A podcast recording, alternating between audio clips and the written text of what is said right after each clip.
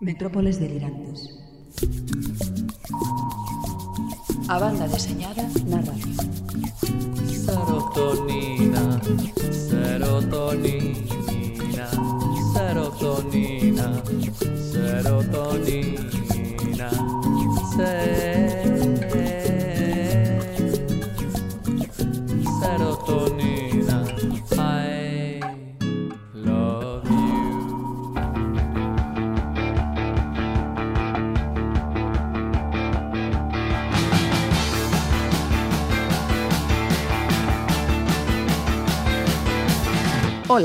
Son Nieve Rodríguez e aquí comeza a 63ª emisión das Metrópoles Delirantes. Para comezar, como xa é costume, o señor B coas novas da BD. Nos imprescindíveis Silas Corey, unha estupenda banda deseñada francesa con intriga, aventuras e acción, unha gran obra de Niri e Alari. Pa, pa, pa, pa, pa falaremos con Natacha Bustos, a debuxante responsável de Moon Girl and the Devil Dinosaur, a divertidísima serie que está a publicar Marvel. No tempo das novidades, Javi, dende a librería Agata Tola de Compostela, ven para falarmos das novidades máis importantes. A nosa técnico, Jada Stevens, xa ten a embarcación pronta. Partimos xa. Pa, pa, pa, pa, pa, pa, pa.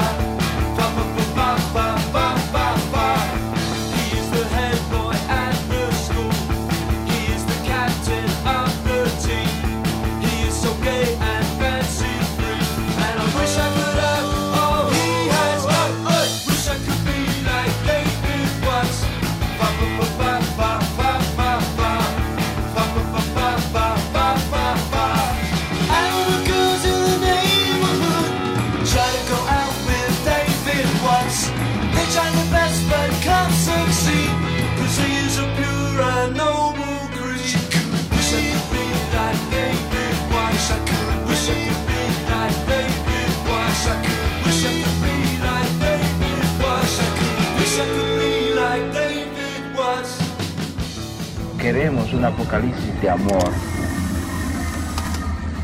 Hola, señor B. Hola. Que tal? Ben. Come vai? Vai ben, un pouco apurado. Bueno, si, sí, oximos ir a todo Filispín, como son as novas eh, neste oximos sentido. ir, de verdad, todo de Filispín. todo Filispín. Sí. Así que, que nos ten que comentar?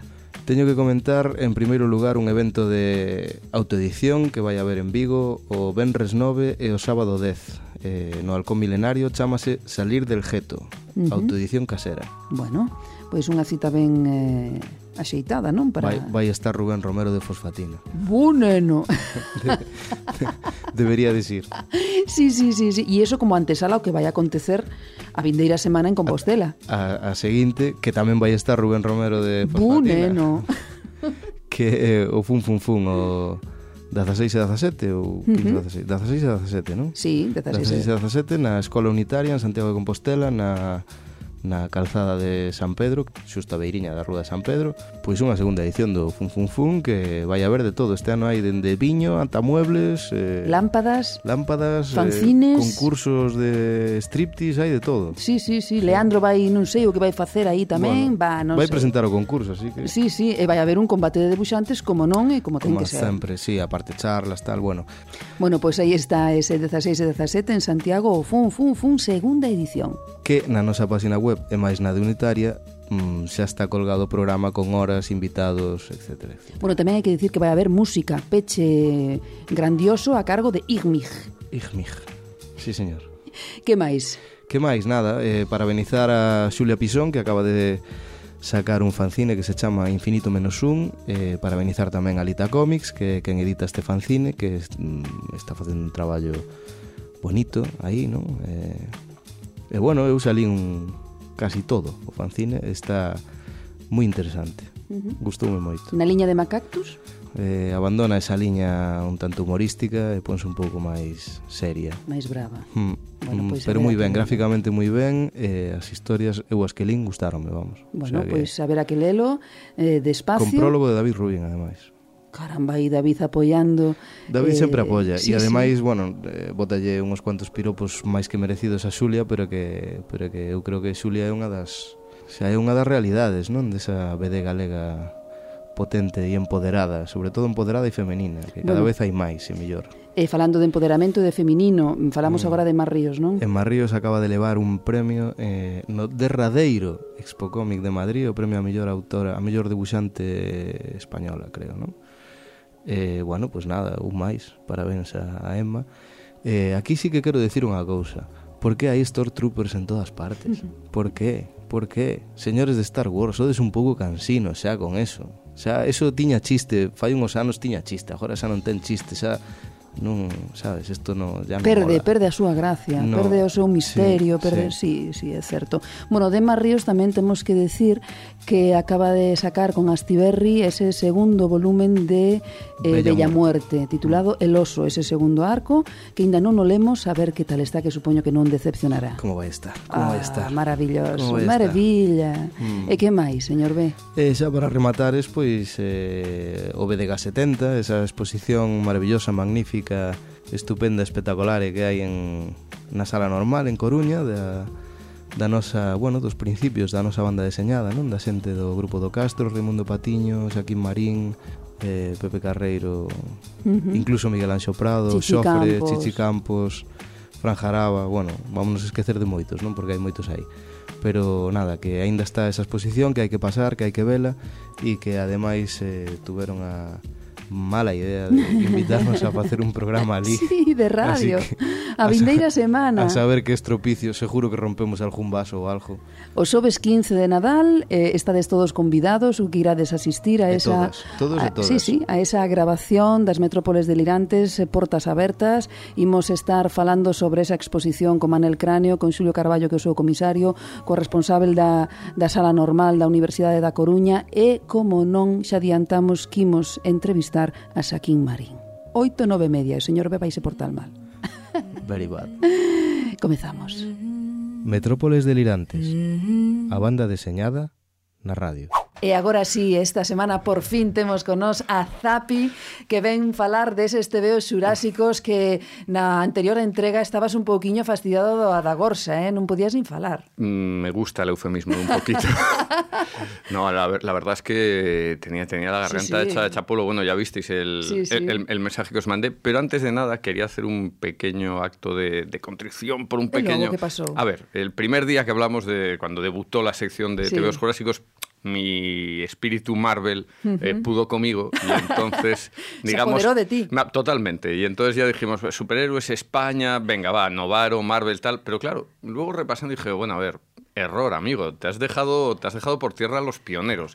Y entonces hoy quería un poco, un poco poner en, en valor esos, esos pioneros, ¿no? Eso- esos, esos cómics que nacieron a, a- mediados de los años 30, que acabaron llegando aquí bastante antes que, cualquier personaje de Marvel o DC, básicamente porque además son- fueron personajes creados antes de que, de que existieran todos los, los grandes superhéroes que ahora conocemos, y me apetecía ponerlos en valor tanto a los personajes, que seguramente a, a muchos oyentes les van a sonar seguro, a lo mejor a alguno joven, bueno, igual No, a alguno un le pilla un despistado, poco ¿no? despistado, ¿Esto diciendo, es? esto me suena de algo.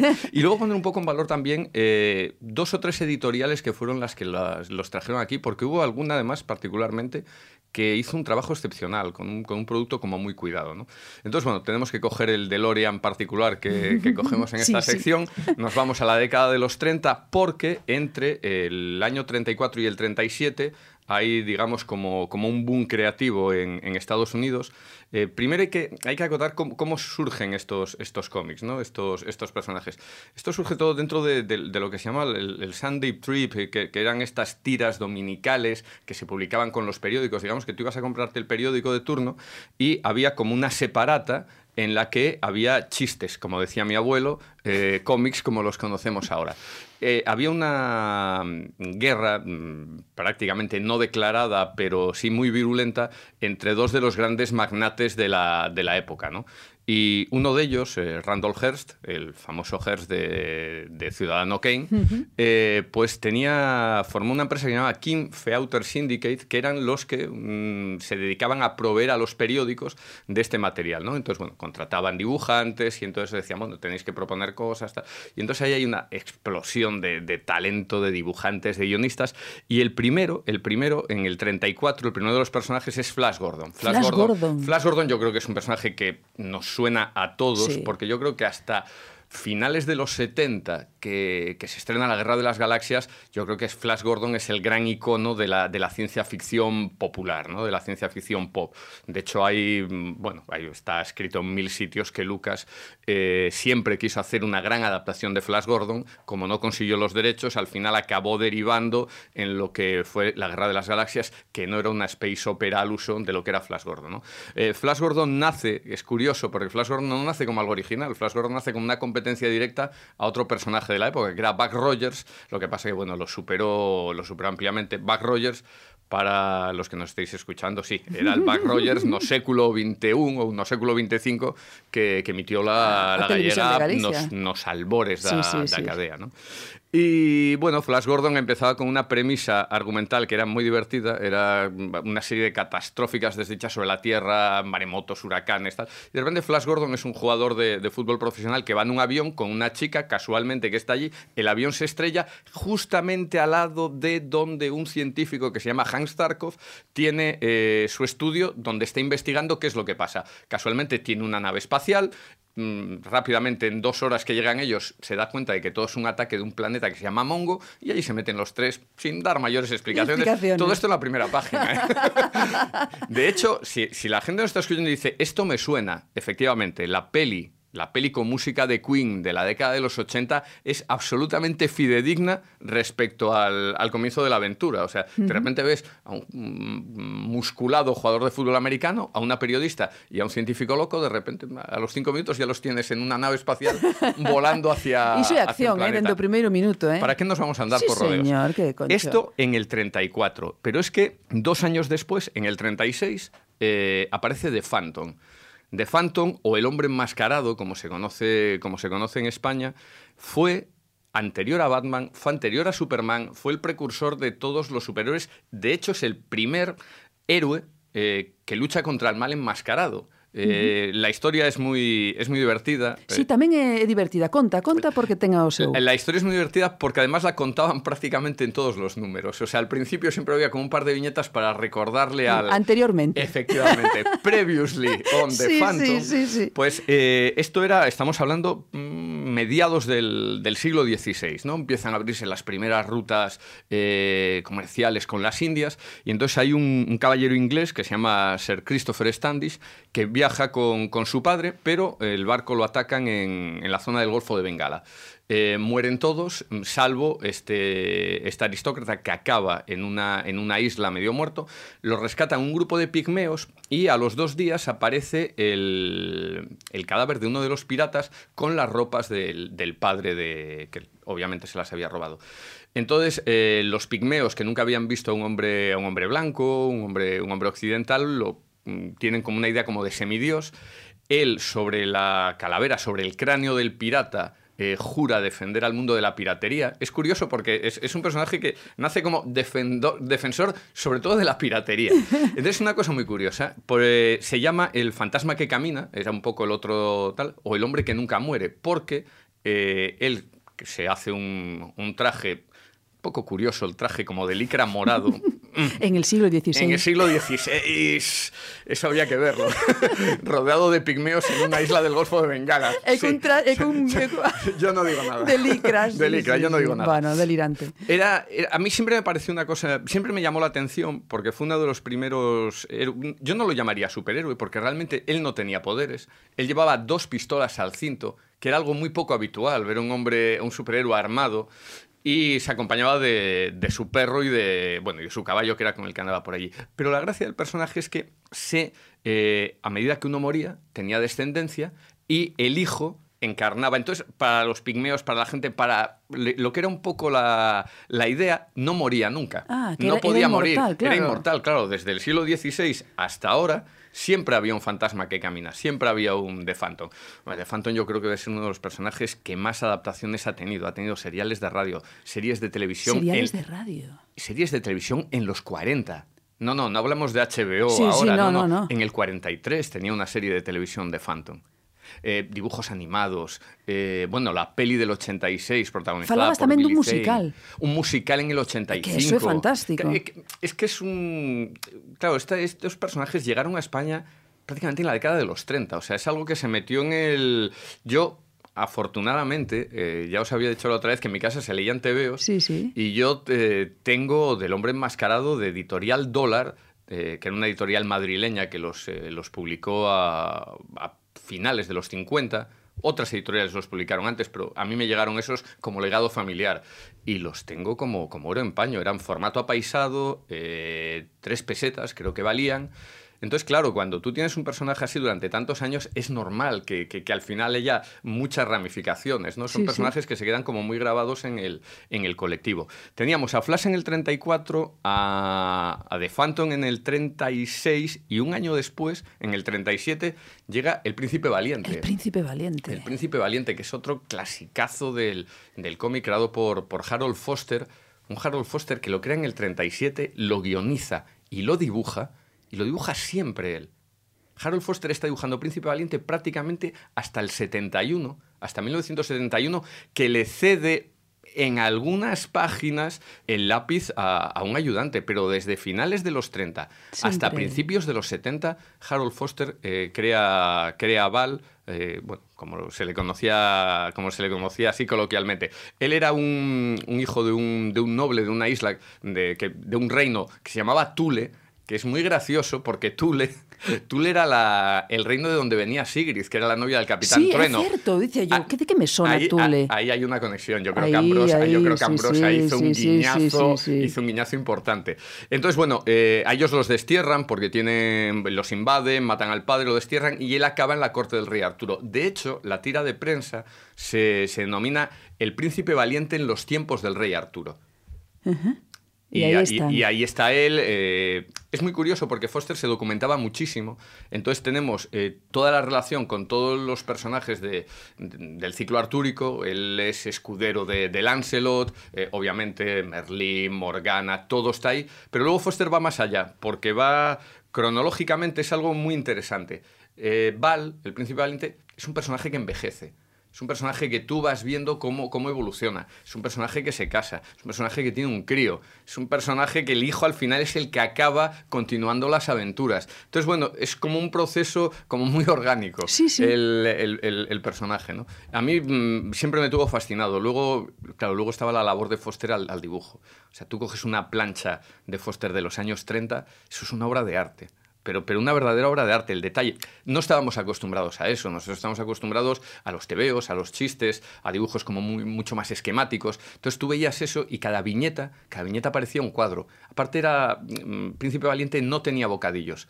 Era algo curioso que luego Flash Gordon también al final lo acabó adaptando, incorporaban el texto en una esquina de la, de la viñeta y lo cuadraban de tal manera que no había como, no la invadía, no Sí, no invadía había- el bocadillo y tal, ¿no?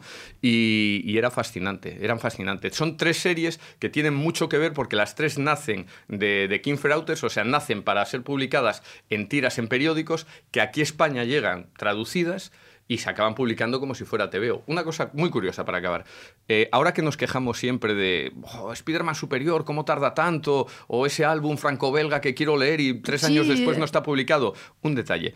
El primer número de Flash Gordon se publica en Estados Unidos el 7 de enero del 34. El 14 de mayo del 35 ya se podía leer en España. Toma ya. Ya se podía leer en ya. España. Año y medio después, en la década de los 30, había una editorial que se llamaba Hispanoamericana de Ediciones, que estaba en Madrid, que estaba asociada con una editorial italiana. La italiana compraba las planchas a Estados Unidos, las traducía, y estos de Hispanoamericano lo que hacían era traducir la italiana, pero tal cual. De hecho, el primer título de, de Flash Gordon La destrucción del mundo eh, no es un título original americano, era el título original que tenía en Italia y que aquí lo, lo cogieron.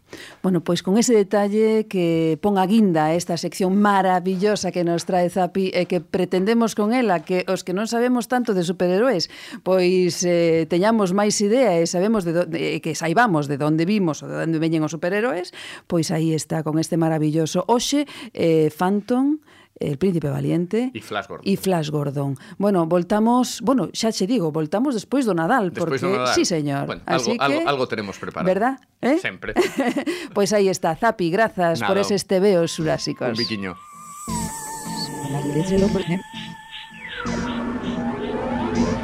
Metrópoles delirantes. O imprescindível do señor B.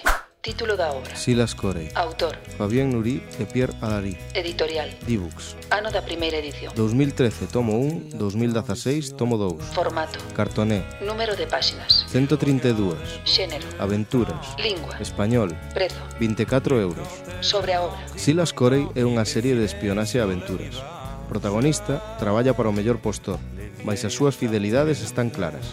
Estamos na Francia da Primeira Guerra Mundial está editado en dúas entregas, que recollen o total da obra. En ambas as dúas entregas, o tándem Nurí Alarí é simplemente espléndido, baseado nun duro traballo de investigación tanto na ambientación histórica como no debuxo. A arte de Alarí é quen de enganchar o lector dende a primeira páxina, ca súa elegante narrativa é un estilo influenciado pola animación, e ido no que traballou.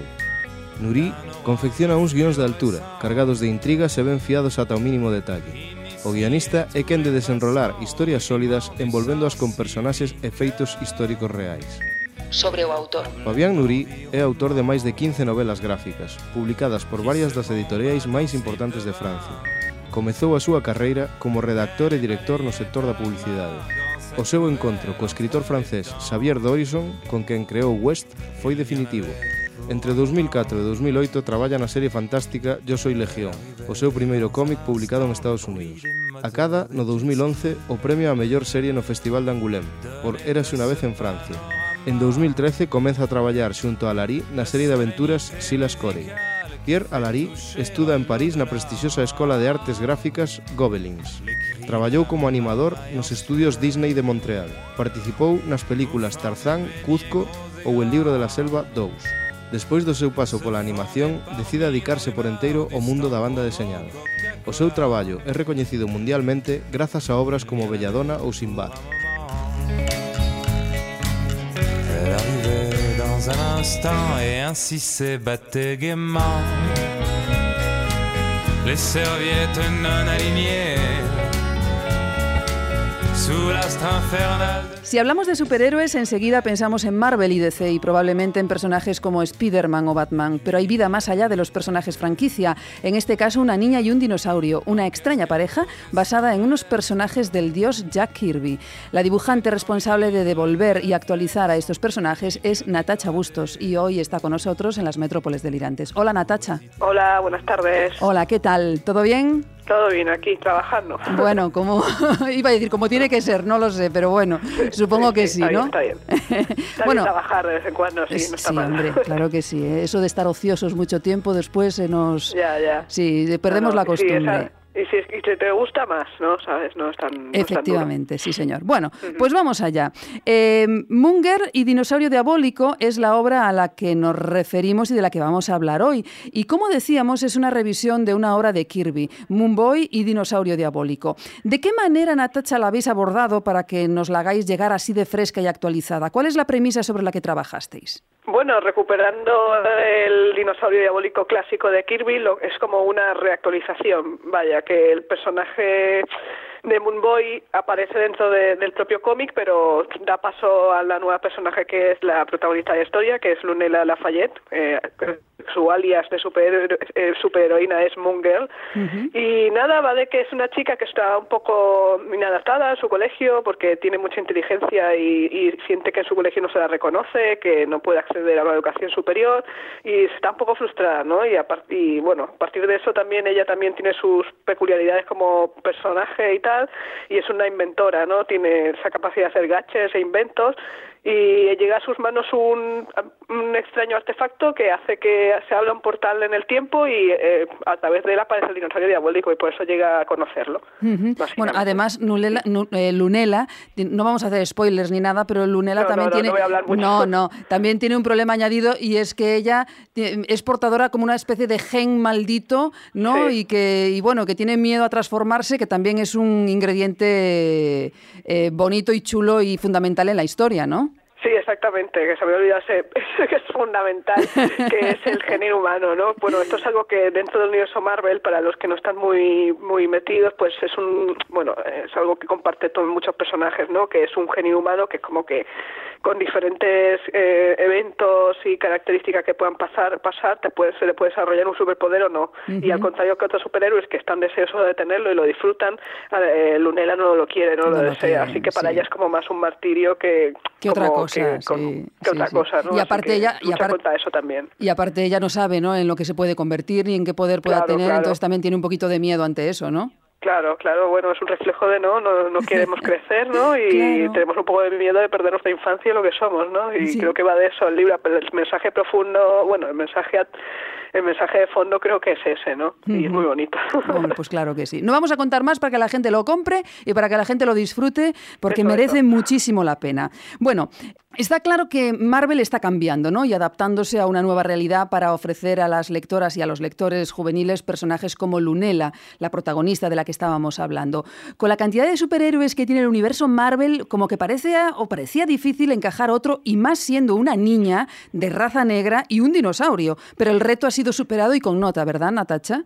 Sí, sí, no, ha sido para mí ha sido muy sorprendente poder llegar a este proyecto, claro, no como dibujante poder hacer algo para la franquicia de Marvel ya es como un sueño hecho realidad y si encima te tengo un personaje tan chulo que es nuevo como este que me, que, que me han para que me han contratado a dibujar, pues encantadísima, ¿no? Y para mí, bueno, me parece un gran un gran hallazgo que hayan la- le hayan dado una oportunidad a este personaje y esperemos que dure, ¿no? Están de, de hecho están intentándolo meterla mucho en el universo Marvel y quieren que se quede y ya ya está apareciendo en otras colecciones como suele hacer Marvel no que meten varios personajes en otras colecciones para que se cree un poco de, de conocimiento por otros lectores y tal. Y mira lo están metiendo con Brunella que y está muy bien no que, que hayan personajes diferentes y diversos necesitamos ver eso también en los cómics como pasa en la realidad y no sé. Efectivamente. creo que es guay no Sí, porque además en estos tiempos difíciles que se vienen de Trumps, de Le Pens, es importante que los cómics, por su difusión, pues reflejen sociedades reales, ¿no? Con la heterogeneidad y la riqueza de las sociedades modernas, razas, colores, culturas.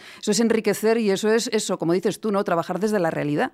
Sí, bueno, más que enriquecer sociedades que hacer sociedades reales, es un poco poner más color al, al panorama de los cómics que han sido siempre muy parecidos, muy iguales, ¿no? A nivel, bueno, de diversidad, ¿no? Siempre ha estado el status quo masculino predominante, ¿no? Sí que ha habido cómics protagonizados por superheroínas, pero la, lo que más veías era hombre blanco y heterosexual. Y bueno, poco a poco hay ¿no? pequeños, pequeños destellos de novedades y bueno, eso alegra, ¿no? Eso quiere decir también que hay muchos tipos de lectores ahora que acceden a los cómics, a los cómics mainstream, ¿no? Estoy hablando porque en el cómic underground sí que puedes encontrar cosas de todo tipo.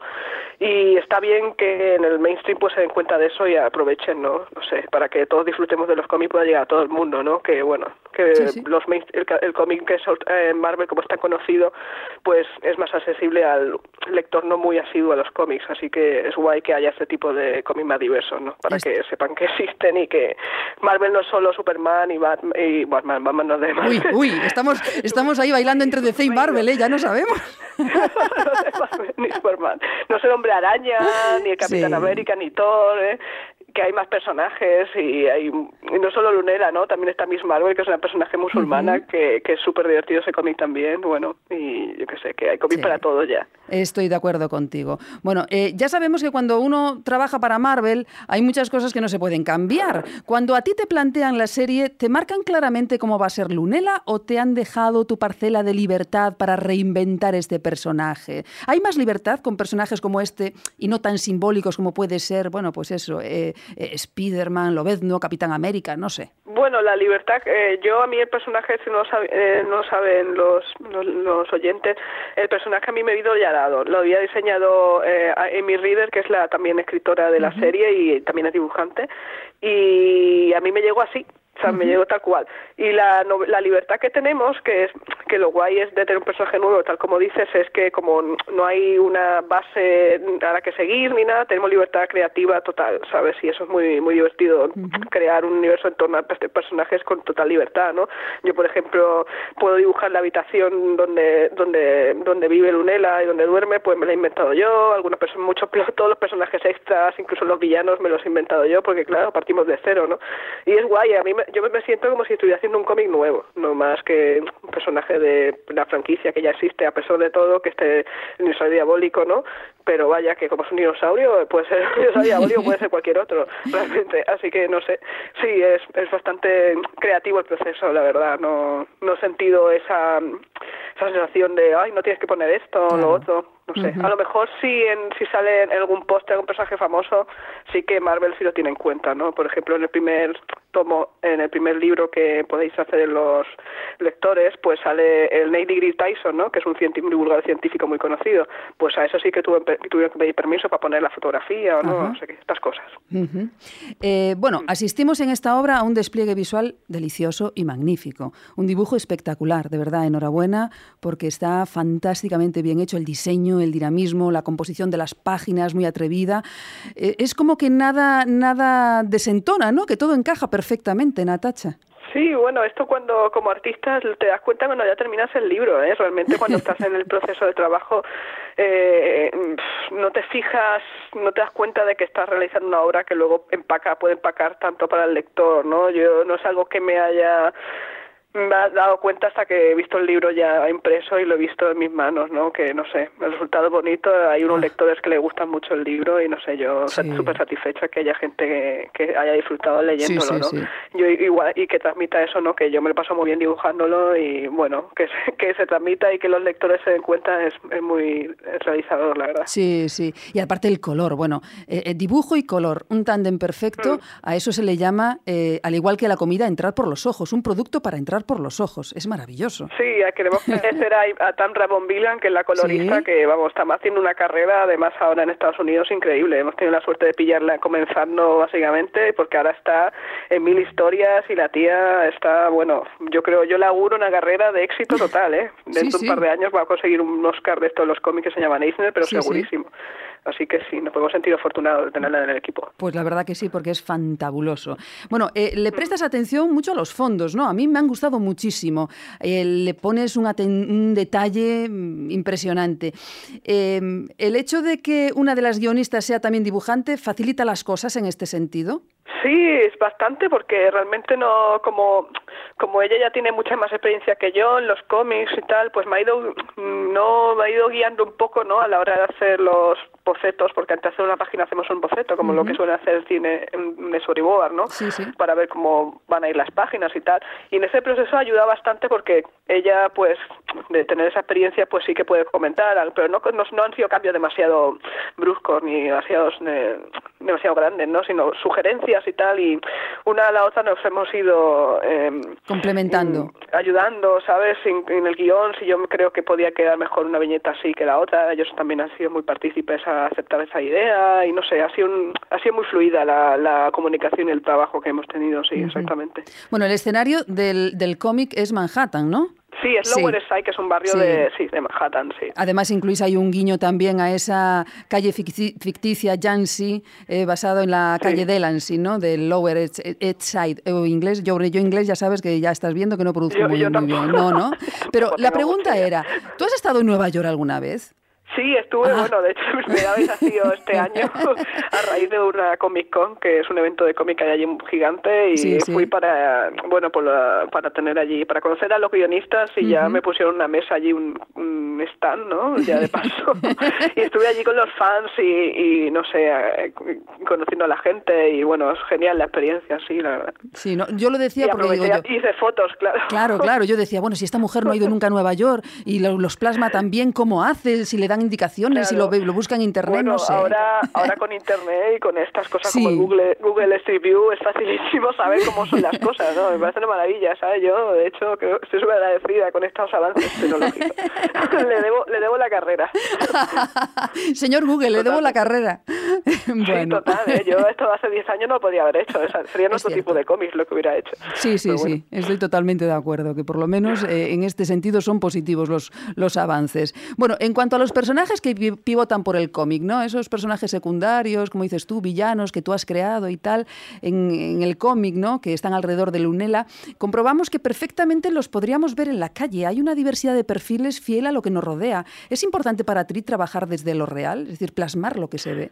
Sí, para mí es súper importante, sí. Es que evidentemente a mí lo que me echa- echaba de menos al leer cómics de, de superhéroes es que eh, incluso el detalle de los personajes de fondo fuera todo color carne, por ejemplo, ¿sabes? Era como, no puede ser, estando en Nueva York, que solo haya blancos, ¿no? Sí, que es una ciudad súper multicultural, ¿no? No sé, hay gente de todo tipo de razas y diversos sí. y no sé, y es súper divertido además di- dibujar gente de, de, de otras etnias, ¿no? Y no sé, yo, yo intento conscientemente hacerlo porque tenemos un chip, creo, mm, todo, sobre todo yo que nací aquí en España, estoy acostumbrada más a ver gente blanca que...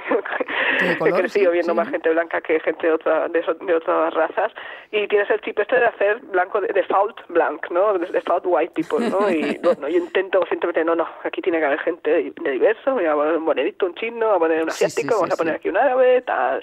Lo intento, vamos, sí, sí. Para mí es importante ver que se vean en los cómics, evidentemente. Bueno, eh, bueno, yo no puedo dejar de mencionar también ese momentazo. eh, esto más que nada es para los que nos están escuchando, que vean que, que hay también aquí algo que, que les puede enganchar, ¿no? Ese momentazo, Lunela y Dino versus Hulk. Menudo encontronazo, menuda acción trepidante, menudas eh, viñetas. ¿Te supuso un dolor de cabeza añadido ese momento de acción así, ese enfrentamiento entre el Dino y Hulk? Bueno, me supuso que mi primer personaje de la Marvel, el primero que he dibujado así clásico, que ha sido Hulk, Sí. bueno, que no es Hulk, que es Amadeus, que es otro, bueno, es Hulk igual.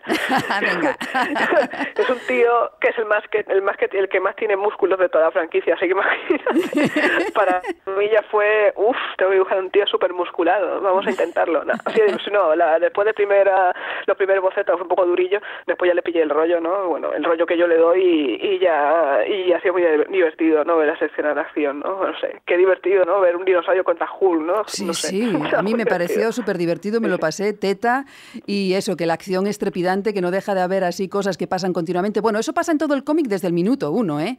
Que nos engancháis a los lectores y dices tú no te voy a soltar ¿eh? hasta el final. Y lo habéis conseguido. Eh, la verdad que chapó porque muy, muy pocos cómics, ¿eh? Gracias, gracias. No, la labor de los guionistas ha sido tremenda, ¿no? Ellos han hecho un guion así que está muy amable, que muy tiene mucha luz, creo, ¿sabes? Y no sé, entra mucho por los ojos, como dicen, ¿no? Y además es muy divertido, ¿no? Yo lo veo como un pequeño dulce, ¿no? Que meterte a los ojos y es, es guay que a los lectores lo perciban igual que lo he percibido yo cuando estaba trabajando. Sí. Este que tenemos entre manos es el primer arco argu- argumental que consta de seis números, ¿no? Y que Sí. termina de una manera un tanto inquietante. ¿Estás ya trabajando en más historias de Lunela? ¿Va a tener más recorrido el personaje? Tú me decías en un principio, al principio de la entrevista, que bueno, que es lo que se intentaban en Marvel, ¿no? Introducirlo, que se quedase, pero ¿ya estás trabajando en más o no? Sí, bueno, ¿Ah? ya hemos cerrado el segundo arco de hace un mes en Estados Ajá. Unidos y saldrá a la venta allí en, en diciembre. Supongo que el año que viene saldrá en España y bueno, y ahora estoy dibujando el tercero, o sea que un tercer libro sí habrá, seguro. Bueno, pues son, buenas Y, noticias, bueno, Natacha. Sí, son buenas noticias. sí. Y ya el cuarto ya veremos. Nada, y el tercero que estoy haciendo, el segundo es muy divertido porque hay un personaje nuevo que es un compañero de clase Ajá. y sale otro personaje de la franquicia muy conocido, pero en el tercero que estoy haciendo ahora van a aparecer, bueno, de todo, ¿sabes? De todo de la franquicia y bueno, le van, le van a encantar a los fans. Sí, señor. Bueno, pues estamos, en- bueno, ya estamos esperando entonces ya por ese segundo, segundo número que llegará el año que viene. Bueno, siempre tendremos que esperar un poquito más aquí en España para disfrutar del trabajo de Marvel, pero bueno, ahí estaremos esperando, esperando por él. Hay algo a mayores en el libro que también me ha encantado, que es ese extra, ¿no? Que complementa y que completa perfectamente este volumen. El cómo se hizo, el proceso creativo que muy pocos cómics eh, se nos ofrece para que sepamos cómo trabajáis y cómo hacéis lo que nos llega a nosotros, ¿no? Mm, Exactamente, no sé, a mí a veces no me doy cuenta como dibujante, ¿no? Que es interesante, que hay gente que le interesa y le gusta ver el proceso, ¿no? Y de hablar con, con algunos aficionados y amigos y por qué no incluís extras y tal, y bueno, y a través de una idea que también tuvo el editor de Panini, Julián G. Clemente, pues sal- sal- salimos adelante con esto, ¿no? Vamos a hacer unos making así divertido y guapo, ¿no? ¿Tienes, ¿Tienes material? Pues sí que tengo material, tengo mogollón de material. Y les puse en contacto con Amy, que también, como había hecho los bocetos previos, pues nada, le, les pedí material y los, los, los incluimos, hic- hicieron una entrevista muy maja. Y mira, sé que yo creo que ha quedado un libro bonito, ¿no? Para, no sé, para el recuerdo, para tener estantería y no sé, para que a niños y adultos lo cojan y, y se lo pasen bien. Sí, porque tenemos que decir que aunque en principio eh, cuando te ofrecen el libro y dices, bueno, esto es literatura juvenil. ¿Qué coño? Es decir, yo me lo he pasado teta y ya el- el- la época juvenil me ha quedado muy atrás. Es decir, que desde aquí... es para todos los públicos. Que, sí, que Yo sí, por lo, eso. lo que dicen es, es para todos los públicos. Puede gustar más a los niños, pero no quiere decir que sean exclusivamente de niños. No sé, No, yo creo no. que es una historia bastante profunda, no es, no es tan simple como parece, ¿no? No sé. No, y adem- los cómics... sí. Vaya, Sí. que cómics hay de todo tipo también. Hay cómics más adultos que a lo mejor a un niño no se lo das, ¿no? Así No, que es cierto. Y a ese cómic no, no le llamas cómic adulto, no le Sí, llamas cómic. Sí, y, ade- está. y además tenemos que insistir a todos aquellos que eh, leen habitualmente lo que hace eh, la Marvel, que esto es una historia eh, muy Marvel, una adolescente superdotada, incomprendida, diferente y que va aprendiendo pues a las bravas lecciones sobre responsabilidad, ¿no? Es decir, que es una historia puramente Marvel. Exactamente, exactamente, ¿eh? lo has acertado. Exactamente, ¿no? Sigue la estela de Spider-Man, ¿no? Como Ujú. estos personajes Sí. que son outsider y que de repente encuentran superpoder, que es muy de la Marvel realmente, ¿no? Sí. Y creo que han recuperado un poco el espíritu en este personaje, ¿no? Y no sé, es muy divertido Pues formar sí. parte de ello también, ¿no? Con el nacimiento de ella y tal, no sé. Yo tengo que reconocer que no soy de superhéroes, tengo que reconocerlo. Ahora, este libro Mm. me ha encantado. Yo Mira, lo, voy a me- recomendar muchísimo. Gracias. No, Bueno. es un pes- no sé, creo que es un libro que acerca a gente que tampoco lee muchos superhéroes y está guay, ¿no? Que a través de un libro así pues se interesen, ¿no? Sí. No sé, está bien.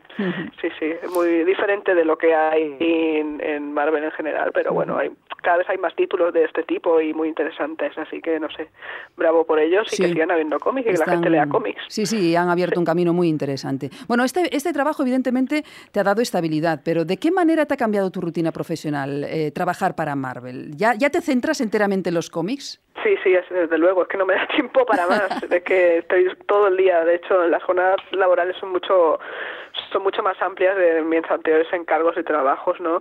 Y bueno, he hecho 10 horas al día, 11, no sé, depende, ¿no? Depende de, de la, el deadline, como se dice, la fecha de entrega, lo cerca que esté, pues más, más horas o menos, pero sí es un trabajo de jornada completísima, ¿no? Y bueno, sí, Así, pero vaya, que estoy súper agradecida de poder decir que vivo de los cómics porque lamentablemente en este país no muchos autores lo consiguen, ¿no? Y realmente es muy difícil. Sí. Porque, no sé, no sé, aquí falta industria y mira que hay talento de sobra. de sobra, sí, de gente sí, que sí. trabaja fuera. Pues sí, pues a ver si poco a poco vamos remediando esa carencia, ¿no? De que la gente se quede aquí y que por fin, como dices tú, se puedan vivir de los cómics exclusivamente. Bueno, supongo que, ah, como dices tú, que trabajas tantas horas, ya para proyectos más personales tuyos ya ni hablamos, ¿no? No. Ya no hay tiempo, no hay tiempo. Algo hay allí colgado, ¿no? Pero bueno, ya con tiempo lo veré. Pero ahora mismo estoy concentrada en esto, en sacarlo y, y vaya. Es- Vale. me, me, me, me lleva todas las horas del día, exactamente. Vale. Bueno, pues Natacha, eh, ha sido un placer eh, charlar contigo, charlar de este trabajo que estás haciendo para Marvel y para disfrute de todos nosotros, que es Mungel y Dinosaurio, Dinosaurio Diabólico, y estaremos esperando como agua de mayo esa segunda entrega ya de cara al año que viene. Un gustazo hablar contigo, Natacha.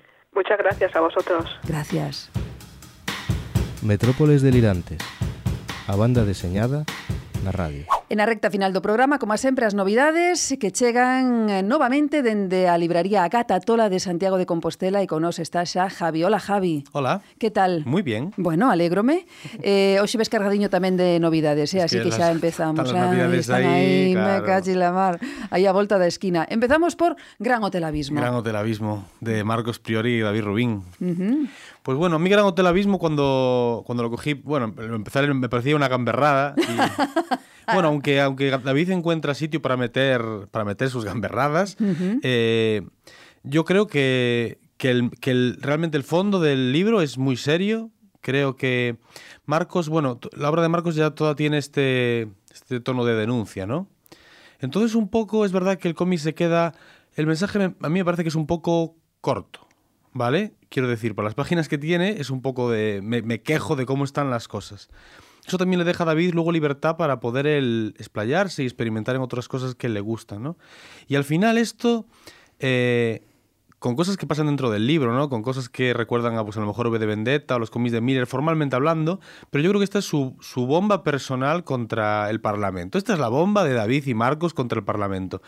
Es verdad que en los extras David habla un poco de cómo ¿no? esta obra es, ah, se ha mezclado el guionista y el dibujante para producir una obra única de otra manera. Vale, estupendo. yo creo que es más una obra de, de David que de Marcos. No puede que el mensaje está ahí, que le diera a él un poco. Pero yo creo que al, al ser ese, esa protesta al final, ¿no? Eso es muy conciso, yo creo que todo el mensaje, ¿no? Le deja a él mucha libertad para experimentar. Creo que acierta el editor cuando, ¿no? Por aquí detrás men- menciona que realmente es un cómic visceral y, y, y de experimentación formal. Y yo fue lo, lo que me encontré, la verdad. Y bueno, eso. Marcos un poco más igual comedido, pero David, desde la primera página hasta Dando los caña, agradecimientos, sí, sí. rock and roll, ¿no? Sí, rock and roll como Sí, él, así sí, que muy recomendable entonces. Yo creo que hay que echarle un ojo, sí, sí, sí, sí, realmente, bueno, eso, una... Me, me cuesta aceptarlo, ¿eh? no sé cómo mencionarlo, es que es un, es un me cago en todo. Yo lo veo común que os den por el culo. Sabes? Sí, sí, bueno, sí. eso dixo, eh? non o escondeu moito ah, cando falou, sí, sí, cando falou do, do, do cómic e, en estes hypes que el creaba e tal, decía, isto vai ser unha bomba de reloxería, eso, para a tomar ah, por culo todo. Pues sí, pues sí, pues me estoy, estoy de acuerdo con David ¿Sí, cuando ¿no? habla de su obra, sí. Creo que la ha visto bien. Eh, e que che parece este modelo apaisado que agora todo o mundo, bueno, eh, últimamente Se, bueno, acertado? Mira, justo ahora te traigo otro apaisado. No sé si acertado o no, es otro formato, ¿sabes? Ya te digo que creo que lo lo bonito de Gran Hotel Abismo, para mí lo más interesante, no más que las quejas de cómo nos van las cosas, que las he oído más veces, es la libertad que ha tenido David para experimentar aquí con el color, con la forma. El- hablabas con Natacha de extras, aquí también hay unos extras estupendos de cómo, cómo ha trabajado David con otra gente. Bueno, yo creo que es muy interesante. Y eso, pues verlo, a mí supongo que es el que más me interesa del cómic, ¿no? Y ver cómo ha experimentado, ver sus influencias, ver, bueno, es- a, mí, a mí sí que me ha, me ha gustado verlo, vaya. Bueno, pues ahí está Gran Hotel Abismo, editado por Astiberri con Marcos Prior e David Rubín, eh, artífices desta obra. Pois aí queda esa primeira recomendación. E segunda, paisada tamén, que sí, chega hoxe. sí, ya que lo mencionamos, voy a Sí, hablarte sí. del boxeador. Me ha parecido muy curioso. Es un- que me han mencionado, a ver si voy a meter la gama, porque esto me lo ha dicho un cliente, igual no es así, ¿no? Que es un cómic que no triunfó en un crowdfunding y luego la cúpula, pues cogió la obra y la editó. Aparte de que temáticamente yo creo que pega muy bien en la, en la cúpula, ¿no? Formalmente también me parece un experimento curioso. Estás viendo que es un cómic apaisado. En él nos cuenta la historia de dos boxeadores, ¿no? De a Héctor y, y Rafa, ¿vale? Lo curioso de este cómic es que los dos personajes son igualmente protagonistas y nos, nos cuenta cómo ellos a través del boxeo encuentran sentido a su vida. La cuestión es que los dos son tan protagonistas que no se han permitido ni contarnos primero la historia de uno, luego la historia de otro. Lo que tenemos es un cómic que se puede empezar por cualquiera de los dos lados Estou vendo iso. en un lado ves la historia de Héctor, en otra ves la historia de Rafa y al llegar al centro del cómic, cada historia acaba en el combate de boxeo entre los dos. Y bueno, me ha parecido muy pois a curioso. premisa é super chula Sí, sí, interesante, y el cómic está muy bien. Creo que igual debería mencionar los autores. Así, yo creo que sí. Como se llama? Manolo Carot y Rubén del Rincón. Eh, teñen nomes de boxeadores, eh? Sí que podrían, ¿eh? ¿verdad?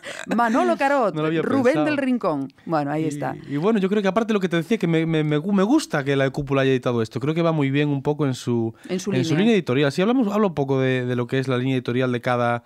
¿No? Sí, de las editoriales, podría- sí, vaya. podríamos, y, sí, falar un poquinho Y a eso, veces sí. también creo que la gente tiene que animarse un poco a eso, ¿no? Cuando si tú tienes ya tres o cuatro cómics que te gustan de la cúpula, decir, oye, a lo mejor es que esta es mi editorial, igual este editor está seleccionando lo que a mí me gusta. Y a mí la cúpula es una editorial que me gusta, me ha animado a coger este cómic y la verdad es que ha sido una sorpresa. Bueno, Muy bien, pois, me ha gustado pois mucho. Terémolo tamén en conta este El boxeador de Rubén del Rincón e de Manolo Carot, tamén en apaisado. A verdade é que está moi ben editado. Seguimos agora con... Una historia de violencia de, de John Wagner y Vince Locke. Ajá. Yo, bueno, creo que a todos nos gusta, ¿no? A veces que, que en el cómic de acción también haya sitio para un poco para el romanticismo, ¿no? Para la emoción, ¿no? Sí. Aquí no cabía y, y esto es una caña, bueno, a mí me, me ha vuelto loco, es una pasada este cómic.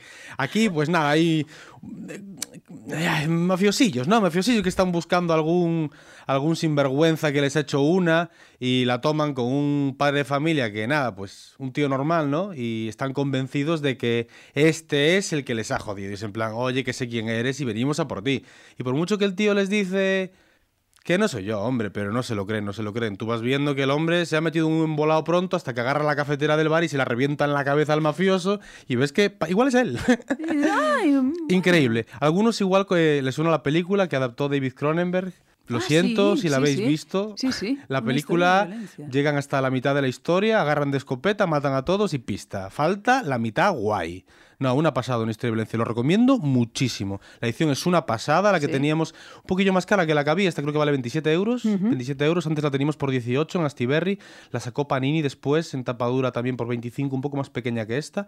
Pero esta por 27 por ECC. Muchas páginas, un tamaño como tiene que ser. Tapadura, estupendo. El precio no me parece nada caro. No, está bien, Es sí. una, un lenguaje muy cinematográfico el que utilizan. Es un cómic muy ágil. Es una historia muy, muy entretenida. Pues ahí queda esa tercera recomendación de Ose, Una historia de violencia, de John Wagner y Vince Locke. Bueno, vexo aquí superhéroes. Sí, J. Leal, New Frontier, de Darwin Cook. Amigo. Se nos murió hace poquillo. Sí. Sí, yo creo que ya hemos hablado aquí de algo de él, del Parker, lo he, tra- Sí, lo he traído alguna sí, vez, sí, ¿no? sí, sí. Sí, pues en The New Frontier, aquí nos edita ECC, esto había salido dos tomitos, ahora lo sacan en un integral con extras y bueno, to- todo el asunto este de nueva edición y lo que queráis, ¿no? Ah, The New Frontier es un gran cómic. Siempre hay problemas con estos cómics de, de DC, a lo mejor de acercarse a ellos porque suele haber un baile de personajes importante y a lo mejor la gente que no controla mucho siempre le tira un poco para atrás. Incluso empezarlo a leer puede resultar un poco confuso, pero al final la historia es una gran historia. Esto es un mundo alternativo, es habitual en DC, los Else Worlds, ¿no? Lo de una realidad alternativa y tal. Y eso también nos posibilita acercarnos a la obra sin tener que conocer toda la historia de los personajes. Sí, porque a veces es un poco cansino. es un poco eso, ¿eh? cansino, Sí. puede serlo. También es parte de la riqueza del asunto si Sí. te gusta, vaya. Aquí los, nos sitúa a los personajes más importantes del universo DC en los años 50, plena Guerra Fría, mm, la gente con la desconfianza a flor de piel, ¿no? Y utiliza un poco eso para am, presentarnos a los personajes un poco escondidos que no pueden hacer de héroes y un poco de lo que, lo que hace, les hace a ellos eh, ayudar a la gente y ser, ser héroes, ¿no? Es un cómic de ideales al final. Y bueno, eh, a mí me gusta mucho, creo que es un gran cómic. eh, es una manera distinta de ver a los héroes que me gustan, ¿no? Superman, Green Lantern, Batman, Wonder Woman. Y tampoco el cómic, eh, la- el protagonismo no recae sobre, solo sobre ellos, ¿no? También sobre otros héroes más secundarios que no, no es necesario conocer, pero el cómic retrata muy bien y muchas veces también sobre los personajes humanos, ¿no? A mí me parece una gran obra, muy, muy recomendable y es una suerte que la hayan reeditado porque, bueno, llevaba tiempo agotada, vaya. Pues ahí está, eh, La nueva frontera, de New Frontier, de. Darwin Cook. Darwin Cook. Esa por, por último. ¿Qué- qué Traje el red de chula? Warren Ellis, sí. Qué portada más chula. Tengo un problemilla yo con este. ¿Por qué? Es la primera vez que voy a tener un cómic que mm, solo me gusta a medias. Es que aquí han metido, pero es que lo tenía que tener porque la mitad buena es muy buena. Aquí han metido la historia de red de Warren Ellis y Hammer y luego han metido todas las secuelas de Hammer. Pues es lo que hay, chicos. Ánimo. A ver, no es que lo otro sea una basura, está bien, pero es que la primera es una pasada. También es verdad que te lo lees en un volado que tiene muy pocas letras, pero a mí me encanta. Aquí el John Moses es un agente de- del FBI retirado. Vale, y él vive, bueno, ahora, pues una vida sin sentido, ¿no? No puedo matar gente, no puedo salvar el mundo, estoy aquí con mi pensión, comiendo, viendo la tele. Entonces, bueno, por circunstancias lo intentan matar. Craso error. Muy mal. No deberían haberlo hecho. Como Y se suele tiene- decir, las caga. la has cagado. Ya tiene la excusa para, para volver a hacer lo que más le gusta hacer. Es un cómic increíble. Ya te digo que con muy poco texto consiguen contar una historia trepidante, súper entretenida. A mí me, me vuelve loco. Luego ya, mira, los, aparte, aunque solo sea por el ejercicio de ver cómo la- lo que es Red, la obra original, ¿no? Con muy poquita letra, te cuenta una historia estupenda y te, te, te presenta muy bien los personajes, los conoces perfectamente. También es verdad que tiene un poco de arquetipos y eso ya tienes mucho trabajo hecho. Pero vaya, es que si no es necesario, ¿no? Y mm, en la segunda parte, que Cooley ya, bueno, igual no, no es Warren Ellis, ¿no? Cuenta su- sus historias, igual abusa para mí un poquito del texto más de lo necesario, que pierde un poco la esencia de lo que era Red, ¿no? Pero bueno, sigue siendo entretenido y compararlo también está bien. Bueno, pues bueno, eh, entusiasmo, non podedes decir que lle falta aquí o amigo Javi. Bueno, eh, pero es que esto de verdad que es un mes muy bueno. Son muy Que buenas sí, que obras sí, que todas, sí, ¿eh? Que a mí, Muy de verdad, grandes escoitándote, obras. digo, bueno, pues este tengo que comprármelo, este tengo que leerlo, este que tal, me lo voy a pasar teta. Es decir, Javi para eso es maravilloso. Así que ahí está esa derradeira recomendación por Ose, ese... ¿Cómo se llama esto? Red. Red. Sí, ah. Red. ¿Ves ahí? Ah, Red. sí. ah. Hay peli de Bruce Willis. Ai, sí, sí, sí, sí, que está integrado no, na, na portada, sí, señor, na capa. Pues ahí está ese red de Warren Ellis y de Cooley Hammer, esta última recomendación. También diré que cuando hablamos de una historia de violencia me he cortado en los spoilers porque espero que la gente lo lea, ¿eh? Yo, en serio, de lo que se ha editado este año es mi favorito, de bueno, calle. Pois, que eh, tiene tiempo, pero una, una locura. Pois penso que non hai que decir nada máis sobre ese no, cómic, eh, ese que cómic a, hai que tenerlo en la estantería. Que vayades á librería e que o merquedes. Eh, bueno, Javi, pois xa pasou o tempo así voando como que non quera cousa, así que deixámoslo para eu creo que para o ano que ven, porque bueno. imos imos descansar agora. Sí, yo me tomar un año sabático, así ¿También? que hasta el año, sí, sí como? Que? Que te vas a tomar un año sabático. Lo que queda de año ah, me lo ah, tomo sabático. Vale, dice, oh, Dios mío. Vale. Perfecto, pues nada, Javi. Muchísimas gracias. Venga, a ti. Gracias. Chao. Me echaron droga. Delirante. En el colacao. Rematamos este tempo dedicado á banda deseñada que comezaba coas novas da BD. O señor B trouxo aos imprescindíveis Silas Corey, unha divertida e interesante obra de Nirie Alari, editada por Divox. Falamos con Natacha Bustos, a debuxante responsável de Mungle and Devil Dinosaur, unha autora poderosa e empoderada que está facendo un gran traballo na Marvel. Javi, o único libreiro con certificación de psicomago do Instituto Jodorowsky de Artes Rarunas, trouxo as novidades dende a librería Agata Tola de Compostela. Máis banda deseñada en metrópolesdelirantes.com e tamén no Twitter en arroba metrópolesd. E lembrade, lede banda deseñada e resistide sempre ata victoria. Metrópoles delirantes. A banda deseñada na radio.